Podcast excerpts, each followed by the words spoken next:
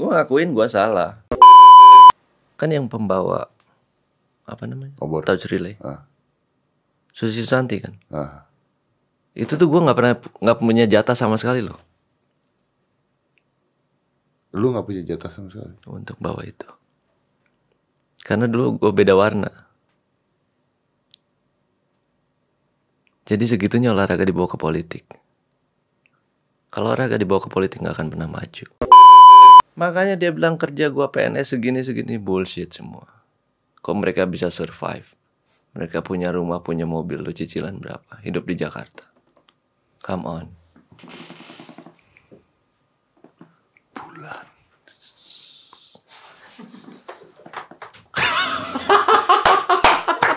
Five, four, three, two, one, close the door. Ya, teman gue dari dulu nih, dari lama berapa lama kita kenal bro?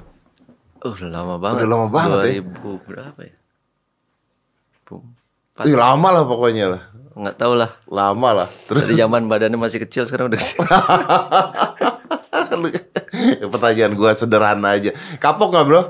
Apa tuh? Kapok nggak dari atlet terus masuk ke pemerintahan? Asli sih gua kapok sih. Maksudnya yang gua tadinya memang cuman pingin belajar gitu kan. Karena ya mertua gua yang di pemerintah. Ah. Terus kadang ada pikiran mereka. Siapa lagi sih selain bokap gitu loh yang menerusin situ. Ah, Akhirnya gua coba yang memang tadinya kan di organisasi olahraga kan. ah. Yang ya di bulu tangkisnya sendiri akhirnya masuk pemerintah. Ternyata ternyata waduh gue bilang nggak sejalan nih itu bahkan kiamat lah kalau bisa dibilang kasarnya tuh sekarang gue cuman berpikir siapa pun di situ menterinya akan sama aja Eh, kenapa sama aja? Itu harus setengah gedung dibongkar tikusnya banyak Tikusnya banyak. banyak banget Iya, makanya gue tuh ya, gue kan eh, berapa kali ada eh, inilah diminta untuk masuk ke pemerintahan gitu kan. Gue berpikir gue kayaknya nggak bisa nih masuk ke sini nih. Kita ikutan salah, kita nggak ikutan salah. Nanti kalau ikut korup salah, nggak ikut nanti banyak yang mengganggu. Kalau itu pendapat gue loh ya. Nah makanya, gue begitu lu masuk kemarin tiba-tiba beritanya semuanya diperiksa KPK, diperiksa KPK. Padahal cuma diperiksa doang, tapi namanya nama dia, nama dia semua gitu. Namanya nama dia semua. Nama menterinya Bapak Imam Narawinya dikit banget, namanya nama lu semua. Orang-orang ketika baca, wah lu lu korup lu, korup lu. Udah gitu terus gue baca, berapa sih 500 juta yang lu transfer ya? Eh, 300, enggak 700, 800. Jadi gini loh, kayak iya kemarin gua ada ada di sidang juga kan, cuman kan kayak online lah.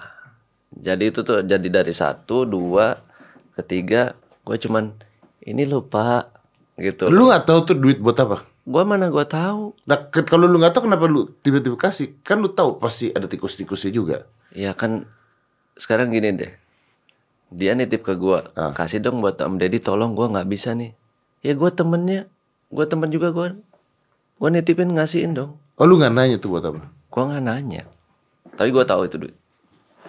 Lu tahu itu duit tapi Tahu. kepikiran nggak tuh duit duit begituan? Gua karena gua baru ya, jadi yang nitip. Oh ya sudah deh. Besok diambil ya udah, ambil aja besok.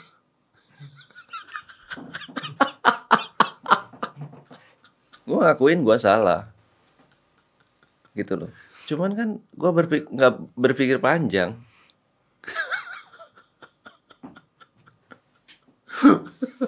Berapa sih kemarin total-totalnya 26,5 miliar ya? Bener gak sih bro? Ya nggak tahu sih. kalau yang di berita sih segitu. Gua pastinya kan gua nggak tahu. Oh ya pastinya kan kita juga nggak tahu berapa. Tapi saya punya pengalaman dengan Bapak Imam Narawi yang terhormat tersebut. Saya punya pengalaman. Ada dua pengalaman yang luar biasa yang tidak bisa saya lupakan dalam hidup saya. Pertama, pertama nih, gua tuh pernah dikontak sama eh, ajudan-ajudan dia. Eh, dia mau ngangkat beberapa public figure untuk menjadi eh, duta olahraga. Tahu nggak lo? Oke, gua paham. Ah. Gua ada di situ. Lo ada di situ? Ada. Ah, gua nggak lihat lu ada di situ. Yang pas mereka udah pada jadi, gua ada di situ.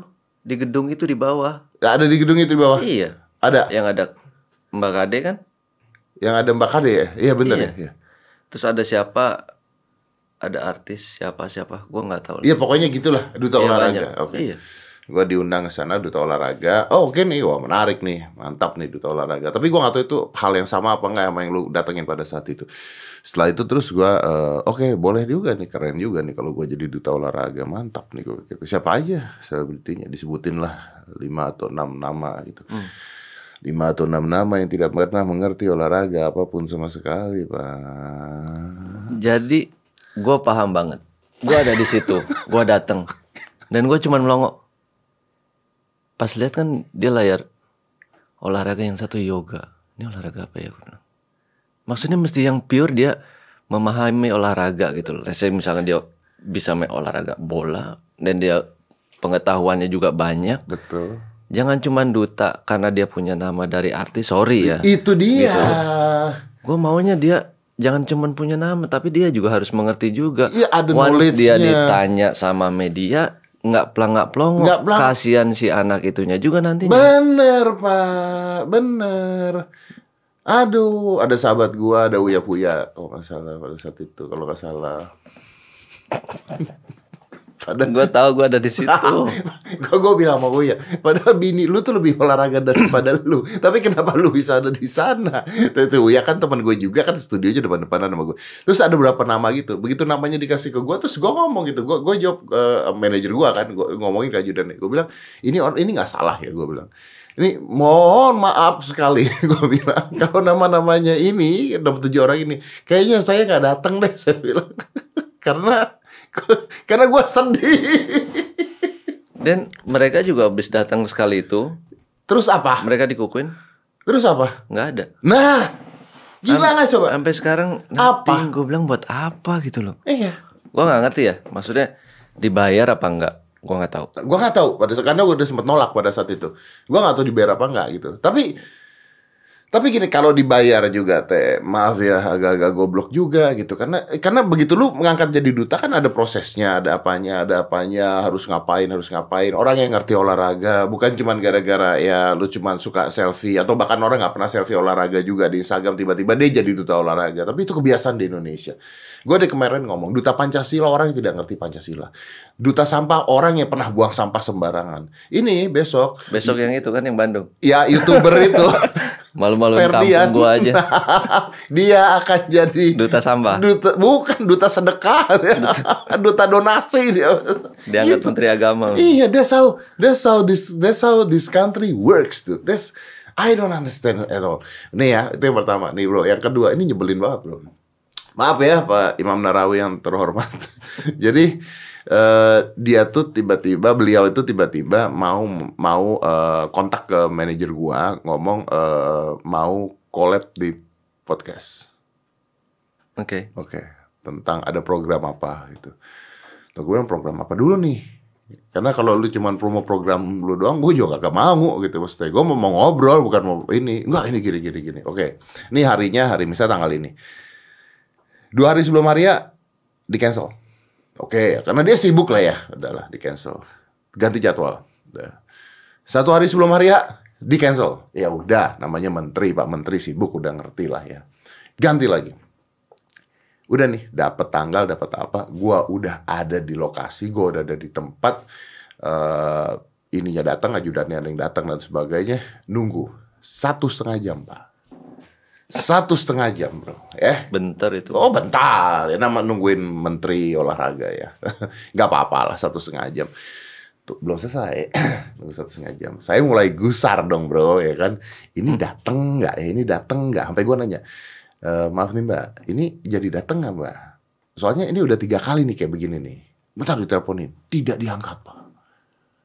Tidak diangkat. Nah, gua punya. Jadi gua tuh punya salah satu tim gue.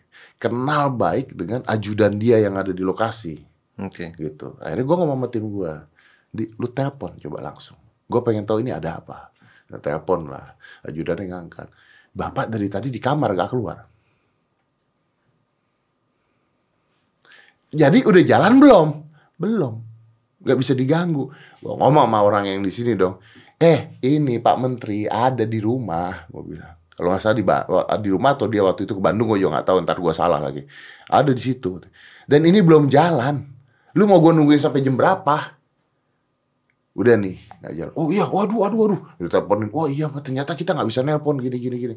Udah nggak jadi kan? Gue bete banget. Ini udah tiga kali gue dikerjain. Di hari H gue udah nungguin kan. Pulang lah gue. Begitu pulang gue mikir. Gue mikir gini. You know what? This is something wrong. Tidak mungkin ajudan yang ngasih tahu jadwalnya tidak ada. Tidak mungkin. Ini stres. Ini pasti ada sesuatu nih. Stres. Tiga hari setelah itu Pak ditangkap KPK Pak. Ngaco lo. itu beneran tiga hari setelah itu. Iya, tiga hari setelah itu Pak beritanya ditangkap KPK begitu keluar berita ditangkap KPK gue kasih lihat tim gue pantesan kemarin di kamar kagak datang ke tempat gue. oh my god. Gila. Aduh. Berarti baru-baru aja ya? Baru-baru aja. Gila gak sih? That's, makanya ketika kayak begitu, waduh ini udah gak bener deh. Udah gitu terus gue baca nama lo. Wih, Taufik Hidayat, periksa KPK.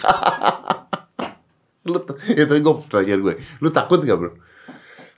kan dipanggil KPK tuh, lu bisa disalahin gak sih sebenarnya? Gua gua nggak ngerti ya. Yang gua takutin tuh medianya aja. Media ya? Ha. Medianya aja. Karena media bawa-bawa nama lu terus. Bukan, maksudnya orang kalau udah yang judulnya KPK Ah, udah negatif. udah negatif. Ntar cuman dimintain keterangan, ntar cuman diperiksa. Tapi orang masuk situ kayaknya orang ngejudge-nya salah aja gitu. Iya, iya, iya. Padahal nggak tahu masalahnya seperti apa. Iya, iya. Mereka seperti apa. Iya. Nah, tapi lu sendiri pada saat masuk ke sana, lu waktu ngasih duit, waktu lu nafar duit, masa sih tidak ada kecurigaan sama sekali, bro, bahwa something is wrong? Atau sebenarnya lu udah tahu something is wrong? Bro? Kirin kan orang kayak cuma nitip kayak ya mungkin buat bantuan kali ya. Mungkin sesuatu yang bilang ucapan terima kasih kali. Eh gue kan nggak tahu. Lu nggak tahu tuh. Iya, jadi cuman ditelepon, "Ini tolong ya." Ntar diambil sama si ini. Kenapa sama gue? Gue bilang, "Langsung aja." Nggak lah, lu kan bisa kontak ke sana. Oh ya udah tapi cepetan ambil. Itu. Itu doang. Tapi lu nggak berpikir, wah ini jangan-jangan buat sogokan, buat apa, buat apa? Nggak ada, gue nggak berpikir. Nggak berpikir itu sama sekali. Ya lu tuh terlalu polos. Terlalu polos. Dua kali ya lu titipin? Apanya? Itu, duit. Nggak, cuma sekali doang. Cuma sekali doang. Di berita dua kali. Iya berita kan boleh opini boleh apa aja kan. Oh, di berita tuh dua kali lu tuh. Opini sih boleh apa aja. Cuman yang sekali di situ. Lu cuma yang sekali situ. Jadi Nah, gue yang sampai sekarang kayak berpikir aja ya gila ya gue bilang. gimana tuh bro? Padahal yang di dalam situ itu lebih parah gitu loh. Yang di dalam situ lebih parah. Lebih parah. Dibandingkan menterinya, dibandingkan siapa nih? Di bawahnya. Di bawahnya lebih parah juga. Kenapa tidak semuanya sama KPK kena? Penuh kali sana ntar Ya mereka mesti ada bukti apa gimana gue kan nggak tahu lah. Sekarang kayak gini lah. Let's say gue minta tolong sama orang yang jaga eh, kayak tolong beliin lontong dong. Pasti kembaliannya kan gue kasih kan? Iya. sekarang kan salah hukumnya. Nggak iya, nggak boleh. nggak boleh kan? Iya, iya, benar, benar, benar. Dan di bawah, lu mengatakan lebih parah itu karena eh, saya gini gue bilang tadi. Oke deh cuman mintanya 100 perak. Ah, dikali 1000 orang. Sama lah kalau kita isi bensin di Pertamina nggak dilempeng itu sama dia kurang 35 45 perak dikali 1000 mobil berapa duit dia nyolong berarti kalau kayak begitu lu bicara kayak gitu ini dari atas sampai bawah dong. makanya gue bilang siapa pun menteri situ kalau mau nggak diganti setengah gedung olahraga akan begitu terus percaya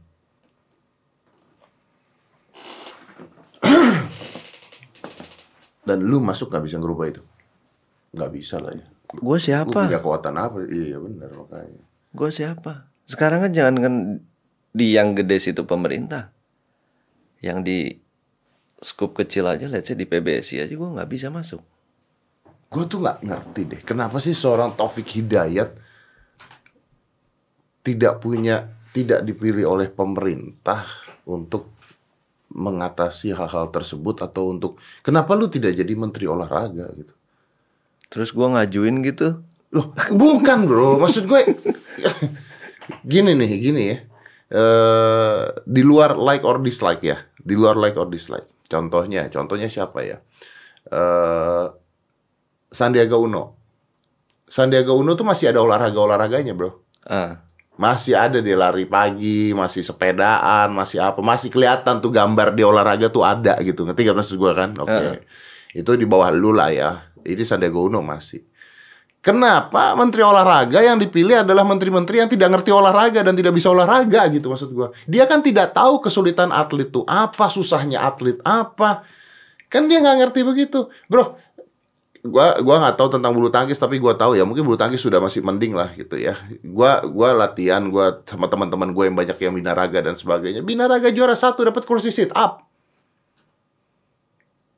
tahu nggak mereka kursi sit up tujuh ratus ribu bro modal proteinnya lebih dari itu gitu.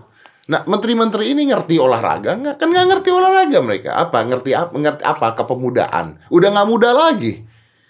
So you- you're like putting an old person that don't know anything about it, don't know anything about sport dan lu taruh di sana gitu. jadi memang harus antara menteri olahraga sama kepemudaan.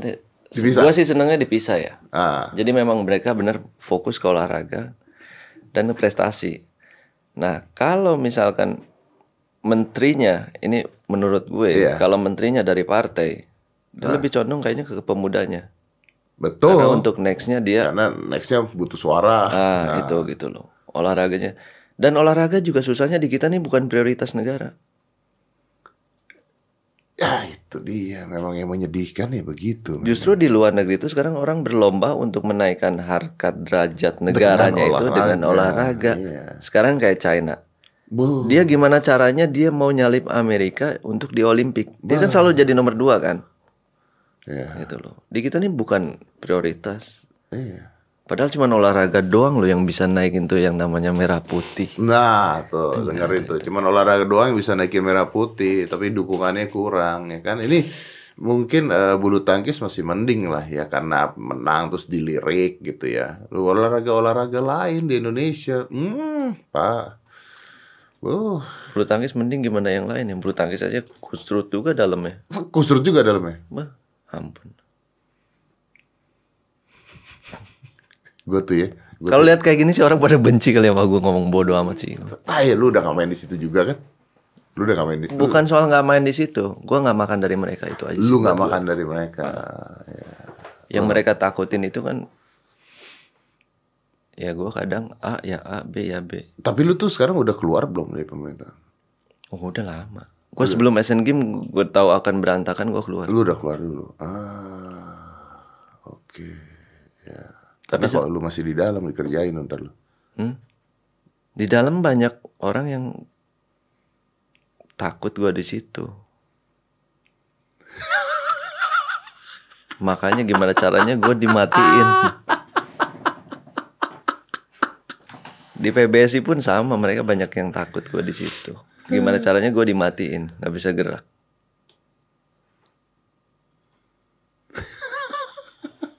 Dikira di PBSI banyak orang yang ngerti tentang badminton. Enggak. Enggak juga. Tuh gila kan. Iya kan. Enggak. Gue bilang kadang sama mereka ya, gue jadiin orang gue jago. Once orang itu udah jadi, Eh, gue pasti ditendang tuh sama orang-orang itu. itu itu yang itu yang yang ya atau kita disclaimer aja dulu ya gue juga ngomong begitu karena gue tuh nggak ngerti itu yang dari tadi kita bicarakan bahwa kenapa menteri olahraga tidak tahu olahraga itu aneh loh coba lu menteri olahraga menteri olahraga itu ditanya bapak olahraga nggak Apa yang apalagi yang sebelumnya tuh ya, siapa ya? Dulu ada Siapa? yang Jogja, siapa? karena IT ya. oh iya iya iya iya kok ditanyain menteri olahraga olahraga nggak pasti eh, apa eh, jalan olahraganya kenapa tiap kenapa ngomong aja ngomong kenapa Terus yang dulu ngerekrut ke staf khusus Kemenpora siapa? Ngikut dia. Iya yang rekrut dia. Oh iya, ngikut lu siapa? Pak Imam. Tadinya gue Kok mem lu mau? bukan gini loh. Tadinya Kemenpora itu ada yang namanya Satlak Prima. Ah, Itu kan eh kayak hanya membuat olahraga eh, apa program ol- untuk atlet kan. Jadi Kemenpora Kasatlak Prima kita lewat Perpres lah. Ada di situ. Jadi memang ngurusin pure ngurusin olahraga. pure Totali urusan gua olahraga nih. pure. Jadi semua cabang olahraga. Nah di situ kan ada dibagi tiga eh, tiga wakil. Jadi ada yang permainan, which is permainan kayak badminton, tenis. Itu di bawah gua lah. Itu di Bolo. Oke. Yang lainnya kan ada ada combat, Ah, which is eh, fi- eh, Ya, ya, fighter. Fighter. terus ada yang lain. Nah di situlah. Tapi ya olahraga itu nggak bisa yang namanya ditunda. Kayak misalkan kayak politik lah, kayak yang lain nggak bisa lah. Olahraga kalau besok mau main ya harus main besok. Tapi kalau dananya nggak datang gimana coba? Gitu. Nah gue untuk ya udah deh masuk gue pengen tahu kayak gimana. Akhirnya gue jadi wakil lah di Satlak Primas itu Ah. udah berjalan tapi yang tetap masalahnya lagi balik lagi ke proses di budgetnya itu Budgetnya tuh ada nggak sih sebenarnya?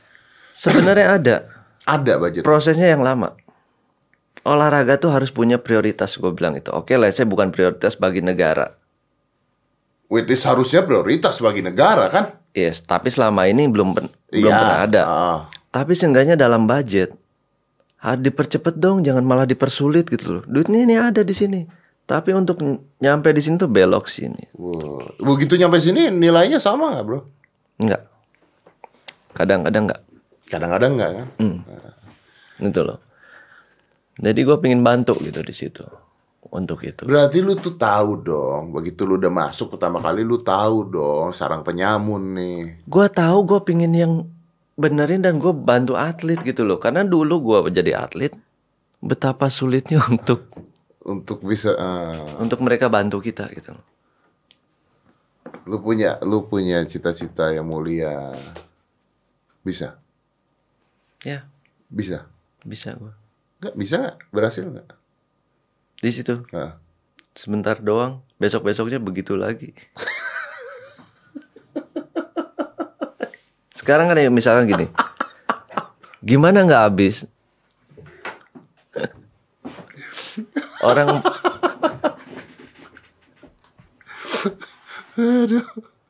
Fik, sorry, lu tuh jago bener. Gue tuh, gue tuh bangga Indonesia punya lu tuh gue bangga gitu beneran. Gue tuh kenal lu dari dulu gila. Lu tuh you are the best man gitu ya di bulu tangkis. Yang otak lu cuman menang, menang, menang, menang gitu. Lawan lu kan orang bukan dajal. gue masuk itu lawannya dajal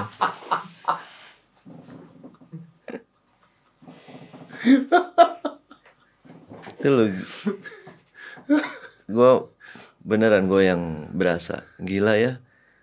Akhirnya gue berpikir yang udahlah gue sekarang mikirin sendiri aja gue kerja sendiri.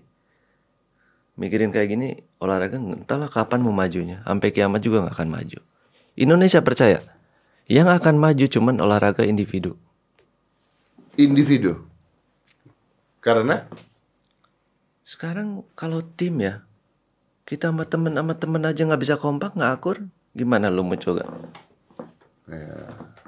kita aja sama kiri kanan saling jatuhin gimana mau olahraga tim mau kompak Ya, dari kalau olahraga kalau olahraga individu, kebetulan Anda lahir di keluarga yang berada, lu punya aset yang kuat, lu bisa latihan, Ya. fasilitas lu sendiri ya. ya fasilitas lu sendiri. Hmm. Ya, misalnya kayak F1 atau apa. Panahan mungkin masih bisa kan? ya individu Ya, individu tetap Iya. ya. Wah, gila ya. Gila. Eh, tapi kan maksudnya gue gini, eh, mertua lu kan mengerti tentang hal tersebut. Pak Agung kan tahu kan. Pak. Emang lu nggak dikasih tahu? Eh, lu tahu nggak dalam begini gini gini? Lu kuat nggak? Masa nggak dikasih tahu? oke mertua gua memang Bapak Agung Gumelar. Ah. Tapi gue hidup sendiri. Gue respect sama dia, gue hormat sama dia. Iya. Dan dia ngasih masukan kalau memang mau belajar, go ahead. Gue bertanya sama beliau. Kalau mau belajar go ahead bukan mau belajar dicemplungin. Iya nanti akan tahu sendiri. Misalkan kayak ada masalah kayak gini pun, gue cuman cerita aja. Gue nggak pernah yang minta Lu gak tolong. pernah minta tolong? Nggak. Tapi orang kan berasumsinya Iya. di belakang, oh, ada ini. Backupnya kuat Tapi- nih. Itu dari semenjak gue merit, gue harus bukan jadi beban gue, jadi wah ini tantangan gue nih. Karena buat gue hidup yang lurus aja gue nggak suka tuh. Kayak flat gitu aja, Iya. boring. Tapi kan gak nyangka bahwa kenanya KPK kan ending-endingnya kan. Selama kita bisa argue, selama kita memang nggak salah, buat gue, gue nggak akan nggak akan pernah takut sama siapa pun.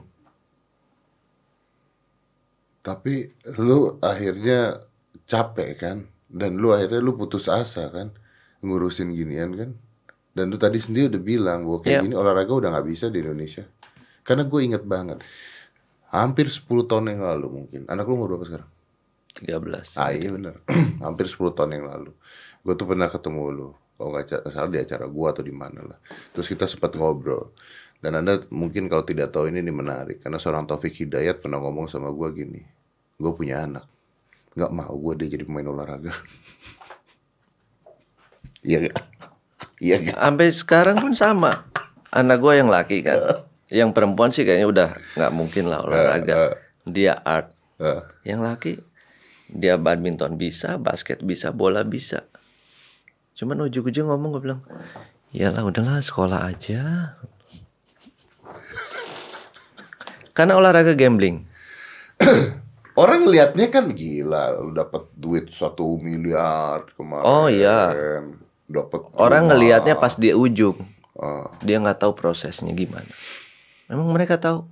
Pertanyaan gue, dari 100 orang, 100 orang ya, cabang olahraga apa aja? Gak usah badminton, gak usah inilah, sepak bola kayak, Yang bis- masih bisa di sini. nggak nggak begini. Kita ada 100 orang, dia masuk ke satu cabang olahraga, apa pun ya, mau catur kayak, mau fighting kayak, mau MMA kayak, mau badminton kayak, bulu tangkis, tenis, dari 100 orang, yang sukses berapa? Dari 100 orang. Iya. Yang sukses banget apa sukses aja? Kaya kaya kaya. Gue bicaranya kaya. Gue nggak gua nggak peduli. Gini gue nggak nggak peduli eh, ya pernah menang di sini pernah menang di sini. Bro menang di sini menang di sini emang penting. Buat penghargaan diri taruh piala di sana. Lima orang udah bagus kali. lima orang udah bagus. Artinya lebih sulit dibandingkan kerja di kantor ini. Oh iya. Yang namanya belajar, lu kalau di kantor kan, dari gedung A udah jelek, lu bisa pindah gedung B. Kalau dari bulu tangkis bisa pindah ke bola. iya juga Juara tuh cuma satu loh. Dari 10 tunggal putra, juara cuma satu. Sembilannya ke mana? itu baru dari 10 yang udah terbaik ya Ya. belum kita bicara 100 sama 1000 orang ya Orang mungkin ngelihat gue kayak begini. Tapi yang angkatan gue ada yang tahu nggak? nggak ada yang tahu Ke mana dia? nggak ada nggak ada yang tahu sih Jadi atlet itu gambling, prosesnya itu yang sulit. Berarti bener dong ya kata-kata orang tua zaman dulu lu jadi olahragawan jadi apa miskin lu. Enggak juga. Kalau lu menang juara satu Iya, sepuluh mau nggak? Semua juga sama. Kita sekolah mau ke sana ke sini kalau kita di belakang terus,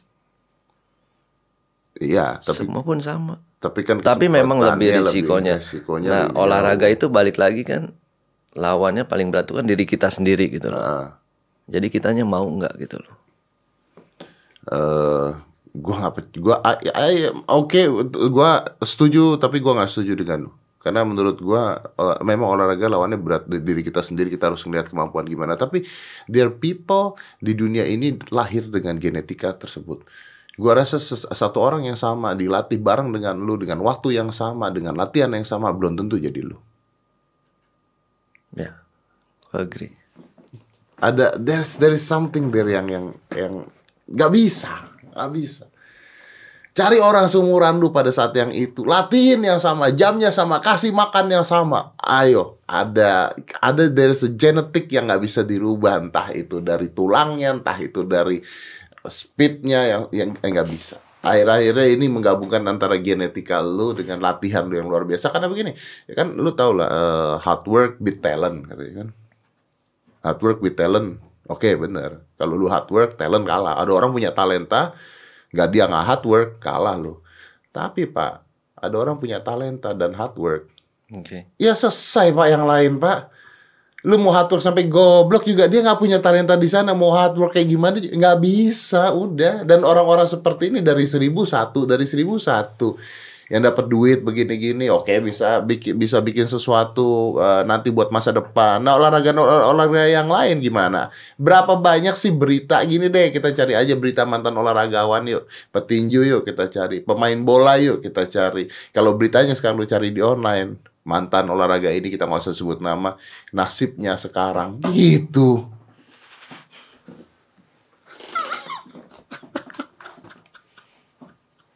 Iya, banyak memang. eh tapi kalau kita ngomong begini katanya kita membuat orang pesimis iya. Iya kan? Makanya kan gua bilang tadi eh, juara cuma satu, sembilannya ke mana? Tapi maksudnya kalau memang mereka mau ada kemauan, mereka punya talenta apa semua, Ah. dan yang dikasih Tuhan mereka manfaatin bener, ya mungkin mereka bisa jadi kayak gue, kayak yang lain, bahkan mungkin bisa lebih gitu. bahkan mungkin bisa lebih banyak yang memang mereka punya talenta banyak di angkatan gue juga. Tapi dia begitu bagus lebih dari gue gue ngakuin mereka dia tekniknya bagus apa semuanya. Karena olahraga itu ada batas waktunya kan? Nah iya benar usia kan? Usia beda dengan sekolah. Sampai umur berapa juga sekolah S1 S2 S3 Iya, makin lama makin dihargai makin lama makin pintar. Ah. Olahraga paling um- sampai umur 20 berapa sih? Lu sampai berapa sih? peaknya? Sekarang? Nggak dulu, dulu berhenti tiga tiga tiga tiga itu gue lupa tiga tiga itu terakhir menang atau kalah ya terakhir berhenti Eh, setelah menang atau pernah kalah setelah itu Jadi gini loh, gua main itu kayak by target. ah Gua umur segini harus begini, Ah, ah. umur segini. Ah. Nah pas umur 32, gua dalam setahun, gua bilang sama pelatih, sama sponsor, sama siapa, gua bilang gua mau berhenti. Hmm. Jadi gua minta 10 pertandingan untuk perpisahan. 10 pertandingan untuk perpisahan Ya. Oke. Jadi jangan dituntut gua untuk juara. jangan dituntut untuk juara Ya. kenapa lu minta 10 pertandingan untuk perpisahan kenapa lu nggak minta ngapa lu nggak nyari juaranya Gua memang udah udah nggak mood lagi. Gua udah nggak bisa lagi, gua udah nggak ada motivasi lagi untuk untuk yang gua cari gitu loh. Gua pingin yang Fun. selesai. Tapi 10 itu karena memang gua minta sama sponsor juga untuk di setiap negara ujungnya di Indonesia Open, gua minta perpisahan di situ. oh Kayak buat parallel game aja. oke oke dan pada saat itu performa lu gimana Iya, ada yang bagus, ada yang jelek. hmm? gitu loh. Karena olahraga itu apalagi yang namanya di Indonesia kan cepat dilupain, cepat diingat. Saya seperti itulah kan. iya Jadi gue pengen ngasih sesuatu yang beda lah daripada yang lain gitu loh. Jadi orang juga seenggaknya gue udah selesai, gue mereka masih ingat lah seenggaknya. Tapi sebenarnya di usia lu 33 tahun itu sebenarnya udah ketuaan belum?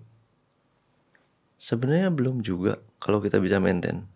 Sekarang kayak Lindan aja masih sekarang masih umur dia 36 masih main. Masih main. Tapi maksimal, 35 mereka masih maksimal, masih masih, masih, bisa. bagus. Gue dulu kecepatan apa gimana? Gue nggak tahu. Apa ke Badungnya keduluan ada jadi nggak fokus. Tapi lu pada saat uh, lu kan ngomong tadi bahwa olahragawan ini gampang diingat, gampang dilupakan. Eh gue penasaran deh, coba deh cari tahu deh. Filmnya Susi Susanti itu berapa yang nonton? Karena nih, karena eh, menarik loh. Olahragawan cepat diingat, cepat dilupakan. Kecuali lu bisa maintain terus di atas terus. Tapi pada saat itu ada usia lu berhenti juga.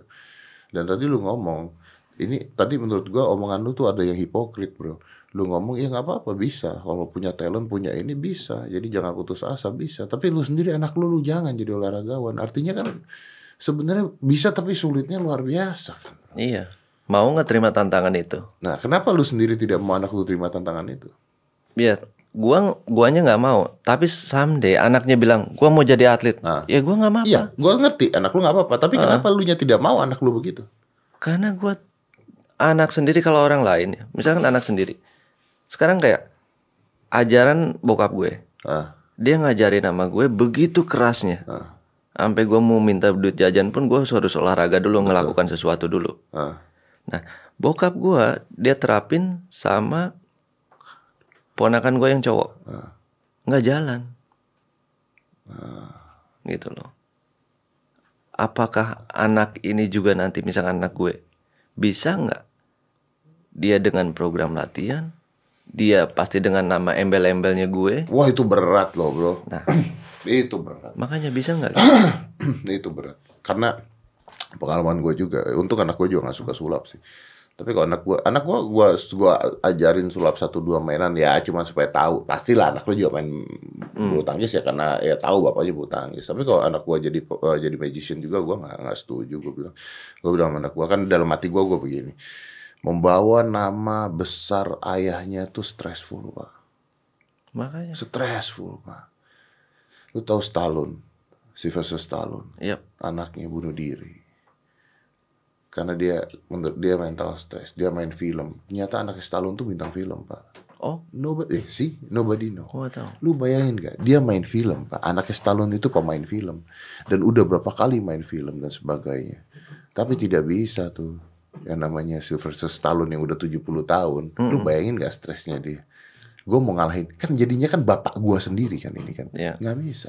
Jackie Chan anaknya narkoba, Pak. Berkali-kali ditangkap. Pemain film juga. Ada yang tahu nggak anaknya Jackie Chan pemain film? Nggak ada yang tahu. Pemain film.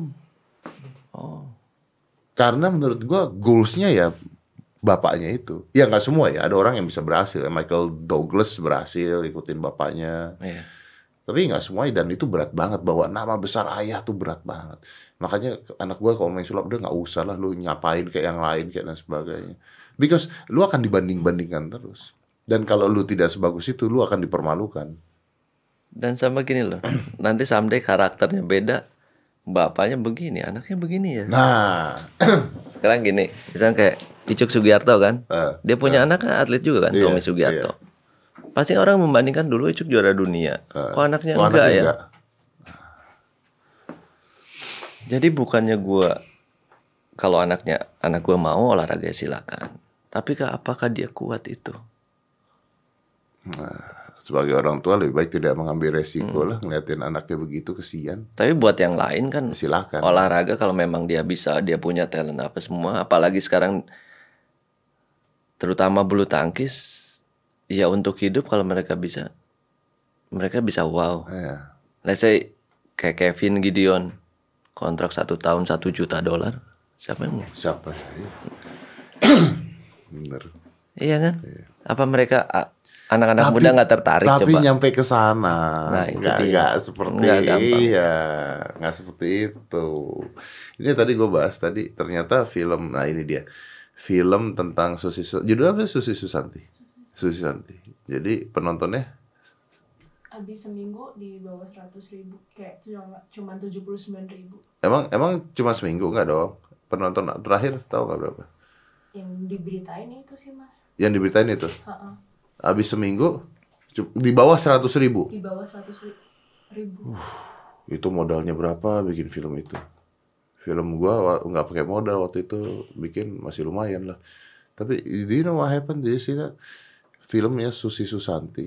Gua nonton sih. Lu nonton? Kenapa menurut lu nggak ada yang nonton? Kalau sama film-film hantu, gue nggak tahu kenapa. Gue bukan orang film. Ya, tapi maksudnya sebagai masyarakat kenapa yang nonton dikit? Susi Susanti loh. Ya orang mungkin yang nonton yang ngerti Susi Susanti, yang olahraga, yang lainnya mungkin nggak tertarik. Marketnya dikit. marketnya dikit. Atau bener tadi teori lo, gampang diingat, gampang dilupakan. Seperti itu juga. Sama kayak gini aja. Kita ngadain pertandingan olahraga bulu tangkis. Kalau misalkan yang nasional ada di Jakarta, orang nggak ada yang mau nonton. Tapi kalau kita di daerah, orang banyak yang nonton. Di Jakarta nih hiburan udah banyak. Iya. Apa mungkin ini juga sama? Gua nggak Bisa. tahu. Bisa sih. Mungkin ini pas film yang lain lebih banyak, orang nonton yang lain. Kan Iya nonton dan, yang ini. dan dan menurut gue tuh begini ya karena Susi Susanti itu oke keren. Maaf ya tapi beliau masih hidup. Ya. Terus yang dijual itu kan Susi Susantinya. Kalau Habibie Ainun kan yang jual adalah Habibie Ainun ya Iya nggak sih? Percintaan mereka Iya. itu kan. Kalau ini kan perjuangan. Eh, Susanti kan wow mendapatkan ininya mendapat itu. I don't think people care about that gitu. I think people already know. Susi Susanti tahu nggak? wah tahu gila legend banget keren banget luar biasa. Mau nonton film kehidupannya nggak? Nggak usah gue udah tahu dia siapa. Gue lebih setuju dibikin kayak nonton ini nggak? Yang The Last Dance Michael Jordan. nonton? Nah. Itu harusnya. Iya, Jadi- Dan itu kan real dari dia gitu. betul. Le- lebih real le- orang lebih ngelihat dia sebagai dia gitu kan. Ya. tidak oh, oke lah cerita hidupnya begini diperankan begini. I, I don't think people gonna watch that. I, I don't know. Gue banyak ditawarin juga, cuman gue bilang gue nggak mau. lu ditawarin bikin film? Iya, tentang hidup lu? Iya, yang main lu iya. Mungkin ada gue, ada orang lain. Mungkin gue bilang gue nggak mau, mau gue mau orang lain gue nggak mau. gue kayak mau nangis gitu. Enggak, enggak, enggak, enggak, enggak. ya kenapa lu nggak maunya kenapa Enggak tahu. lu nggak mau diperankan dari mau sama orang lain atau lu nggak mau Gue entah jadinya kayak apa. Gue nggak tahu. Gue tuh orang yang nggak pede depan kamera kan. Eh, eh. tapi kan bisa aja aktornya bukan lu kan sebagai Taufik Hidayat Gini loh. Gua nggak akan bekerja. Ah. Gua nggak akan serak kalau itu. bukan lu bukan lu yang ngerjain Let's say sama kayak kerja lah. Gua kerja nih segini sekarang. Gua nggak serak. Lu mau kasih gua gaji berapa berapa? Gua nggak nyaman. Gua nggak mau ambil. Ya, ya, ya, ya, ya. Lu idealis lah intinya lah ya. Ya karena memang Memang orang banyak berkata, oh lu idealis mati sekarang. Ya sudah mau diapain? Iya, nggak bisa nggak serak juga artinya. Tapi bro, janganlah bro. Ya nggak tahu lah, one day kalau lu melakukan itu ya udahlah. Nggak, gua udah janji gua nggak mau. Oh lu janji nggak mau ya udah. Ja- jangan dah menurut gua gini. Menurut gua gini. Agak-agak sorry ya. Again sorry disclaimer menurut pendapat gua. Agak-agak menggelikan ketika seseorang bikin film tentang dirinya sendiri tapi dia masih hidup. Kalau gua udah nggak ada orang bikinin. Kalau lu nggak ada orang bikin mengingat seorang eh, Taufik Hidayat perjuangannya gini bro, gini deh, ini sebagai temen lu nih ya, sebagai temen lu nih. Oke coba Habibie Ainun, itu setelah Ibu Ainun meninggal kan? Ya. Iya kan? Oke, luar biasa. Gue sebagai temen lu, bikin lu bikin film bro, ada di bioskop. Taufik Hidayat judulnya. Gua nggak mau nonton, bodoh amat gua. Kecuali kecuali gua main film kan. Iya, Taufik Hidayat itu bodoh amat. Tapi tapi amit-amit you pass away gitu ya. You pass away, berita heboh. Terus ada film tentang Taufik Hidayat. Sih otak gua akan berubah, otak gua akan memorium yang yang gue pik ah gila ya ini ini teman gua men. Ini- oh gila perjuangannya. Tapi ketika lu masih hidup lu ngapain sih gua gua bilang gua udah tahu lu jago udah nggak usah bikin film. Udah lu jago gua tahu. Kadang ya gue lihat selama gue jadi atlet pas gue dulu masih main gue nggak pernah kali lihat video main sendiri Eh, kayak lu pernah ngomong deh kayaknya itu sama gua bener deh. Kayak lu nggak mau kan waktu itu kan? bilang kan? Kenapa? nggak tahu gue geli sendiri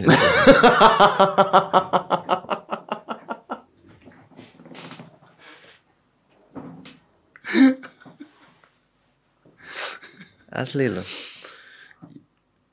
Iya. gue nggak tahu ada di apa, apa di dalam diri gue sampai nggak mau gitu kadang kan pasti lu tanya semua atlet No, misalkan nonton suruh dong. pasti nonton sama pelatihnya suruh belajar Ah, ah, lu main kemarin kesalahannya di mana terus main berikutnya siapa Lu nggak mau. Lu boleh tanya pelatih gue, gue nggak pernah yang nonton video untuk belajar itu. Pelatih lu gimana? Nggak apa-apa. Nggak apa-apa lah lu juara. Maksudnya dari sebelum juara sampai juara dia cuma gue bilang gue nggak bisa, gue nonton lihat gue sendiri. Aneh kali ya. Nggak sih? ada orang yang begitu, ada orang yang begitu karena dia tidak nyaman ketika melihat dirinya sendiri. Ada orang yang nggak nyaman dengar suaranya sendiri. Orang bikin video tuh nggak gampang. Makanya kenapa konsep podcast ini tuh menurut gue enak kenapa ya? Karena kita nggak kayak di syuting gitu. Hmm. Karena kita kayak ngobrol gitu maksudnya kan. Kamera juga ya samping gitu. Terus kita aja ngobrol. Karena banyak orang-orang yang akhirnya nggak bisa cerita ketika kamera di depan. Terus ada penonton banyak ngeliatin gitu kan. Itu agak menggelikan sendiri. Dengar suara sendiri aja itu aneh kan sebenarnya kan. Gue kadang suruh orang bikin, tolong dong bikin video ini. Aduh, gue bikin video lagi. Oh, suruh ngucapin. gue benci banget tuh kan. Abis itu gue denger suara gue sendiri gitu kan. Ah udah. Kadang gue minta tolong. Ini bagus nggak lo mulai dulu? Enggak enggak udah kasih aja bagus nggak bagus. gue juga gak mau lihat gitu. ya what I hate ya. Ini sih gue ngomong aja nggak pernah ngomong juga. I hate ketika orang minta video untuk ngucapin sesuatu. Oh ya? Ya. Karena gini, beda nih bro. Misalnya, eh, eh Taufik Hidayat ulang tahun nih gitu. Ucapin sesuatu dong. Ah, I'll do it. Tapi ketika orang datang ke gua, eh ini lagi ada acara nih. Ini ulang tahun nih. Minta tolong ucapin sesuatu dong. I hate that. Karena gini, oke mungkin gua salah ya. Karena gua tahu oke orang ini mungkin ngefans sama gua. Makanya misalnya ponakannya atau siapanya ngefans sama gua makanya omnya minta gua ngucapin dan sebagainya. Tapi gini why I hate that? Karena gini karena dude gua tidak kenal dengan orang itu. Hmm, oke. gua nggak tahu dia siapa gua nggak tahu hidupnya seperti apa. Gua ketemu nggak pernah terus gua harus ngucapin dia selamat ulang tahun sukses selalu ya bahagia ya begini begini begini. It's fake man. It's fake. It- itu cuman gara-gara gua nggak enak doang sama lu bukan karena karena gua beneran pengen ngucapin happy birthday to you gitu. Mhm. something wrong gitu. dan itu kan banyak banget nih kemarin gue dapet nih ada ada yayasan ini lagi ada acara minta gue untuk ucapin selamat tahun untuk yayasan ini. I never been in that yayasan. Gue tidak tahu yayasan itu apa. Gue nggak tahu pengurusnya siapa gue nggak tahu orangnya siapa. Terus gue ngucapin selamat ulang tahun. Something is wrong. Ya.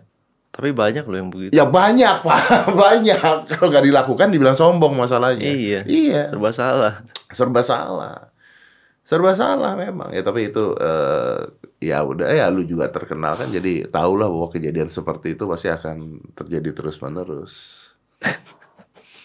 anyway kalau lu diangkat jadi menteri olahraga mau? Kenapa? lu diangkat jadi menteri olahraga mau nggak? Jadi menteri olahraga. Yoi. Siapa yang mau ngangkat gue? lah pak kita nggak pernah tahu pas setelah pandemi ini berakhir semuanya berubah loh. Itu ya, gue ngebayang. Ya itulah, kalau jadi menteri yang harus dilakuin itu. Koordinasi dengan institusi lain, koordinasi dengan presiden, bawa itu satu gedung buang, ganti orang baru, generasi ketiga lah, keempat. Nah, itu ada dua kemungkinan. Kalau orang olahraga mau maju, ada dua kemungkinan tapi kalau memang di- ditanya pun siapa yang jadi menteri di situ? Kayak lu bilang, lu mau jadi menteri? Gua akan tanya dulu. Gua nih bener dikasih mandat emang bener jadi menteri untuk ngurusin semua apa ya? atau Cuman hanya ya ikut dukungan aja, support aja. Kalau memang gua udah jeburin situ, kasih kepercayaan gue. Untuk gua ngelakuin Rubah apa? itu semua. Rubah semua. Kalau kalau nggak dirubah nggak bisa. Tapi ada dua kemungkinan kalau itu terjadi, eh, bro. Lu jadi menteri, lu ngerubah itu semua, setengah dari sana lu buang dan sebagainya. Ada dua kemungkinan. Lu jadi menteri yang terbaik dalam sejarah di olahraga, olahraga Indonesia naik dengan pesat, atau lu masuk penjara. Itu tergantung kita kan. Atau lu masuk penjara.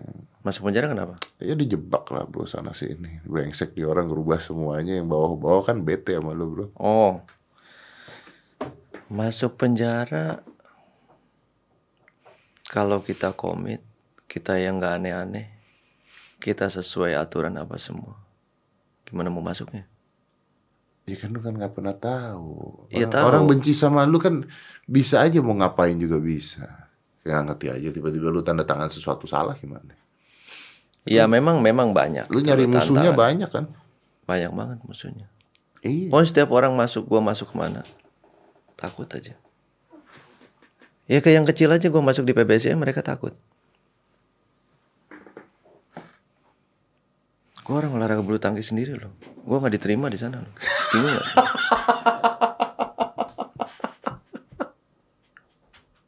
iya. Awalnya mereka sebelum jadi ya, jadi pengurus di situ, balik ke bulu tangkis. Mereka bisa bisa bisa bisanya minta ketemu gua tiap hari, minta masukan masukan. Wah, begitu masuk, Begitu masuk gue ditendang, gue bangsat juga nih orang. Tapi gue cuman mikir, oke gue bilang, lu pengurus cuma 4-5 tahun. Setelah itu orang nggak ada yang tahu lu. Tapi orang tahunya bulu tangkis siapa? Susi, Alan, Taufik, Ricky, Reksi. Iya, bener, bener. Dan kebanyakan mereka itu bulu tangkis gue bilang gak akan pernah maju kalau atribut lu nggak dibuka. Selalu bawa nama klub, selalu bawa nama orang ini, orang itu. Yang di pelatnas itu udah nasional udah nggak bisa lu bawa nama daerah nama itu. Lu Makanya harus netral. tadi mengatakan mungkin olahraga-olahraga individu doang yang bisa naik kan. Tadi lu bilang gitu. Eh lu tuh bukannya punya lu terakhir kali ketemu gua, gua lupa ini apaan, ini pemerintah punya atau lu punya pribadi, lu bukannya bikin gedung olahraga, apa tuh pemerintah punya bukan sih? Gua punya, Lu punya kan? gua punya pemerintah hanya ngasih izin, Pemerintah ngasih izin, itu yang gedung buat eh, nggak ada sumbangan. berarti duit lu. Duit gua pure duit gua. Gua gini loh itu dedikasi gue. Orang pingin gua setelah selesai gua Ngapain? terima kasih sama bulu tangkis satu. Gua ya apa yang gua punya nama gua apa sepuapun semua semuanya dari bulu tangkis. Dan gua berhenti. Gua pingin dedikasi gua buat bulu tangkis. Itulah gua bikin lapangan. Sempet ngomong sama gua kan? Hmm. Yang gedung kan itu kan? gedung. Berapa besar? Ada delapan lapangan Delapan lapangan. Jadi dong, udah dong. oh, udah Udah jalan, kan? udah jalan Berarti itu sebagai apa? Orang masuk ke sana sebagai apa? Akademi? akademi ada Hah? buat umum juga ada Buat umum maksudnya orang mau umum bisa latihan di sana sewa ruang, sewa tempat. ya Akademinya ada. ada Berarti bentuknya ada sekolahnya gitu. ya Berarti lu bikin sekolah dong. ya Oh. Hasilnya kan masih anak-anak khusus untuk anak-anak. anak-anak Lu mempersiapkan anak-anak untuk lari ke sana. Ah.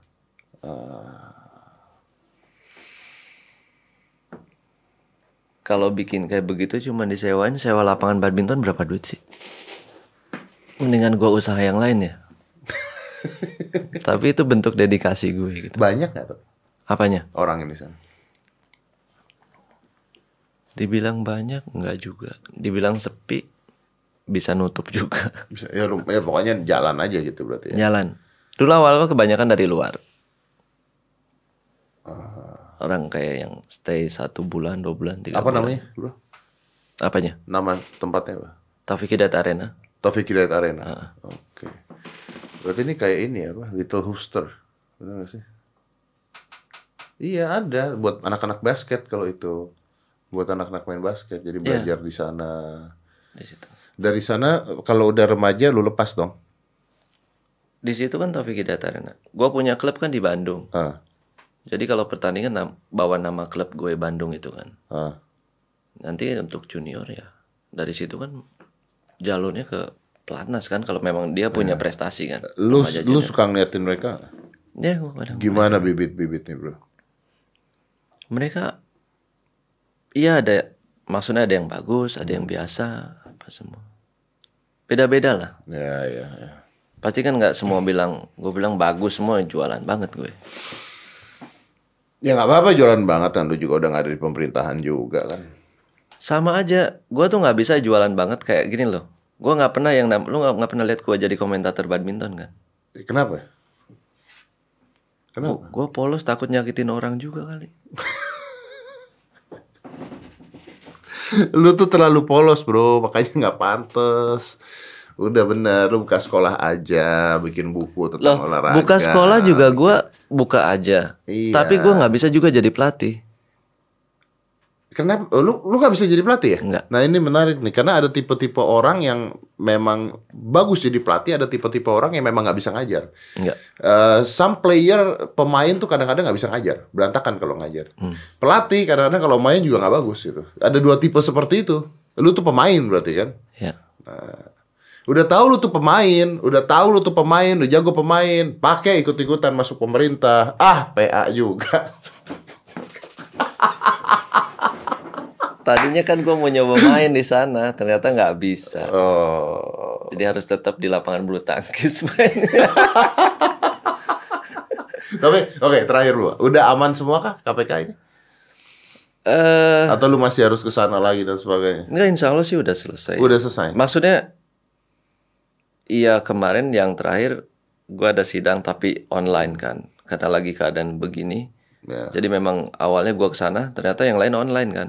Ah, Terus akhirnya ya gue balik dan gue online gitu loh. Oke. Jadi untuk asprinya untuk eh menporanya gue ada sidang. Gitu. tapi lu mengatakan tadi sebenarnya di bawah banyak yang seperti ini. Banyak. Nah, Kenapa tidak terlihat oleh KPK-nya? Nggak tahu. nggak tahu ya gue nggak tahu gimana mereka apa kan perlu bukti apa semua sekarang kayak gini deh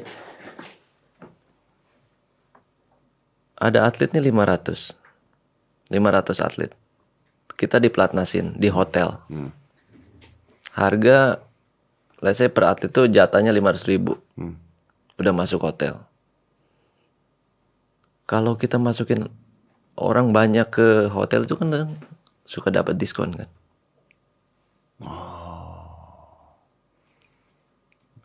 Selisih. Eh, lumayan, 100 ribu kali 1000 atlet lumayan, berapa duit lumayan. Benar. Berapa tuh? per hari Per hari? loh kalau 500 ribu jatahnya satu orang per hari untuk sat- di hotel 100 ribu kali 1000 aja 100 juta kan? Lumayan.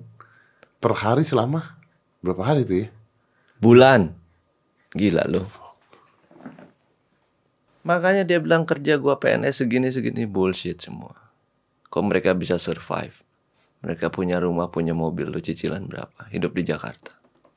Come on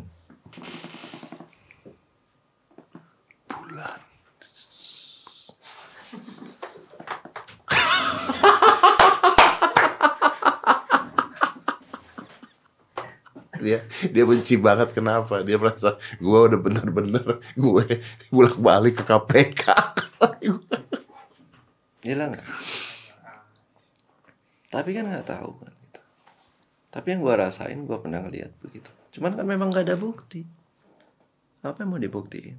Dengan omongan doang. Siapa yang percaya? Iya.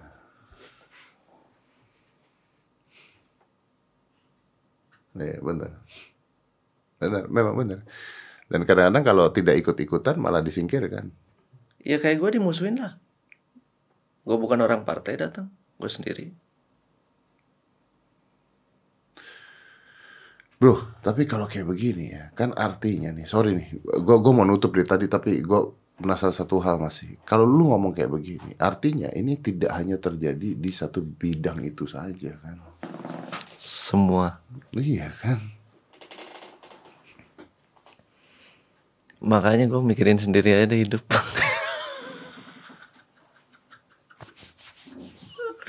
gue tuh sempat ngobrol dengan salah satu eh, KPK juga sempat ngobrol. Gue bilang apa sih sebenarnya dicari sama mereka? Bukannya duit udah banyak ya orang-orang itulah adalah ya. Bukan yang bawa-bawa duit udah banyak. Terus mereka ngambil lagi tuh buat apa ya? Ngambil segitu tuh buat apa ya? Terus dijawabnya ya karena nggak pernah ada puasnya orang tuh. Nggak pernah ada puasnya orang tuh tapi yang jadi masalah bukan nggak pernah ada puasnya mereka harus tahu dulu bahwa dengan mereka gitu tuh yang dirugikan tuh banyak gitu loh gila itu uang kalau dilimpahkan lagi ke fasilitas atlet dan sebagainya men Iya. itu dia kenapa kita nggak pernah bisa menang sama Cina kok main Dulu git- dulu mereka belajar sama kita bener. iya Asli loh. Cina tuh dulu belajar sama kita Iya. Bukan korupnya tapi yang dipelajarin Iya. cara-caranya. Cara-cara. Lah yang pelatih Lindan aja dulu di Indonesia kan, Eh, makanya. pelatih itu Cina itu. Karena di dulu dia di sini nggak dikasih warga negara, akhirnya dia balik sana. Karena Chinese kan dulu masih Dan susah. lucu ya, iya betul. Dan lucu ya, orang-orang yang nyikat duit rakyat malah dihormati sama rakyat kan.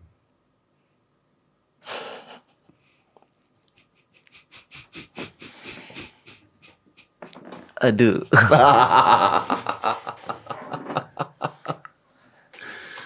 Aduh, Fik.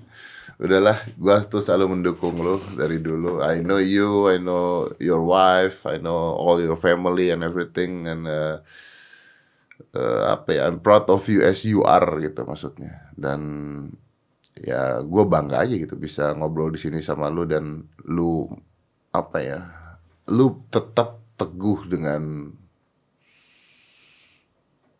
kata-kata lu sama idealisme lu tuh nggak gampang sebenarnya. Apalagi orang udah masuk ke sana, biasanya pilihannya cuma dua, lu didepak keluar atau lu ikutan itu aja kan intinya. Tapi ketika lu bisa didepak keluar ya bagus lah. Dan itu gue yang ngundurin diri loh. Iya, karena lu nggak kuat kan.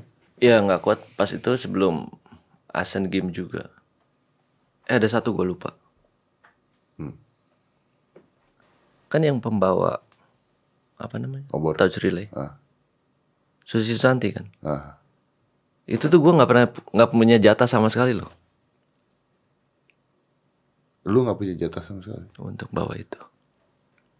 Karena dulu gue beda warna. Jadi segitunya olahraga dibawa ke politik. Kalau olahraga dibawa ke politik nggak akan pernah maju. Dulu gue ada di baju sini yang ngurusin Asian Games bajunya warnanya lain. Jadi lu nggak masuk. Enggak. Gue dua kali juara Asian Games, tapi gue nggak pernah.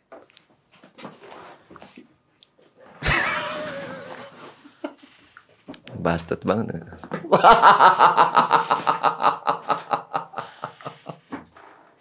Gak bisa dia kan bajunya warnanya ini.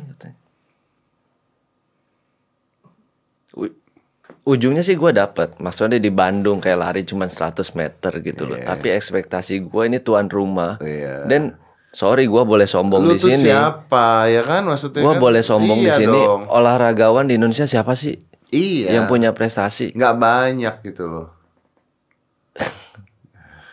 Karena beda baju loh Tapi kan ini olahraga bukan masalah baju gue bilang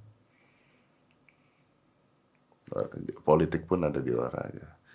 Dan tadi benar kata Taufik, kalau politik udah ada di olahraga sampai kapan juga akan pernah maju. Enggak, enggak. Yuk taruhan sama gue Enggak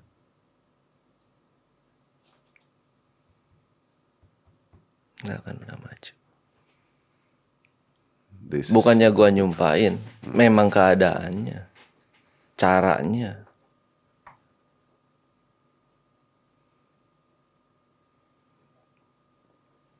Memang budayanya begitu. Budayanya begitu. Orang baru masuk olahraga, jabatan tinggi, harusnya belajar dulu gimana caranya begini-begini. Jangan udah masuk orang baru jabatan tinggi, sok tahu hancurlah olahraga.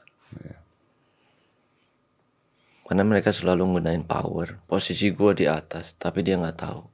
Nah, itu dia. Makanya dari tadi kan gue ngomong lu tuh nggak ngerti tentang olahraga lu tuh nggak ngerti tentang gimana sulitnya atlet lu tuh nggak ngerti latihan mereka gimana. Lu bahkan nggak ngerti mereka harus makan apa. Kalau lu ngerti juga kadang-kadang lu baca buku doang sama Google tapi lu sendiri olahraganya enggak gitu. Carilah coba menteri-menteri olahraga yang nantinya misalnya yang baru-baru yang benar-benar ngerti pisahkan dengan menteri kepemudaan. Karena kalau menteri kepemudaan pasti ada kemungkinan-kemungkinan kepentingan-kepentingan partai ya kan? Menteri olahraga sendirilah itu tuh Taufik Hidayat tuh jadiin menteri olahraga. Ade Rai tuh jadi menteri olahraga. Oh di DPR kita ada Mas Utut. Utut catur. Utut catur. Iya. nah Utut lah jadi menteri olahraga. Itu maksud gue at least someone yang pernah bertanding membawa nama besar Indonesia yang ngerti tentang olahraga tuh susahnya seperti apa. Let's bring them Jadikan mereka menteri olahraga. Eh, Banyak nih kandidat-kandidatnya kan. Cari aja juara-juara ini yang ngerti, yang udah tahu semua gitu lah. Udah pilih satu. Nah, coba masyarakat. Dari dulu gue menteri olahraga yang tidak ngerti olahraga itu adalah salah gitu. Lama-lama Anda nyari menteri olahraga yang tambun perutnya kalau kayak begitu. Olahraganya dari mana? Ai, dude, gua kesel Loh. banget. Kalau Tambun kan sumo juga Tambun. Olahraga. Oh iya benar. Iya. Mohon maaf, saya sempat menolak jadi duta olahraga pada saat itu. Saya tidak tahu Anda ada di sana gitu. Saya, kalau tapi kalau waktu itu gua datang, gua ada di sana, pasti gua diketawain dia juga soalnya. Gua aja ketawa begitu lihat nama-namanya. Ini orang kenapa ya? Ini yang ada yang salah nggak ya? Kok kikuk sendiri loh. Dan di kalangan atlet kenapa ini bapak ini kok ngambil ini? Gua juga nggak tahu tiba-tiba orang-orang ini datang. Oh iya, mungkin lagi stres, Pak. Mungkin lagi stres. Enggak lah. Tapi kenapa ada duta olahraga nggak ada duta artis? Pertanyaan gue itu. Baik bener ya. Harusnya ada duta artis. Nah, lu kan artis harus jawab. Lu kan di dunia entertain. Oke, let's say gue nggak nyebut lu artis. Lu di dunia entertain. Itu pertanyaan gue. Olahraga selalu ada duta masuk artis lainnya di olahraga. Tapi nggak ada duta artis. Karena artis-artis merasa semuanya yang paling baik, Pak. Semuanya paling bagus, tidak mau disaingi. Tapi kan duta olahraga untuk mengingatkan masyarakat menj- suka olahraga. Kalau duta artis tujuannya apa? Masyarakat supaya ngartis. Masyarakat kita nggak usah ngajarin Eh, kepada jangan artis. salah. Sekarang orang tanya mau jadi apa? Aku mau jadi selebgram. Iya sih. Aku mau jadi nyanyi artis gini. Apalagi cewek tinggi, dikit cantik. Mau jadi model. Siapa mau jadi artis? Eh mau jadi atlet. Lu tiap hari latihan pakai sepatu lari-lari ke gunung mau mau. Iya benar. benar. Panas-panasan mau. Lebih baik pakai baju olahraga tapi foto. Ah, Eh. itu. Oh, udahlah kita tutup lah. Gila gue seneng banget kedatangan lu hari ini.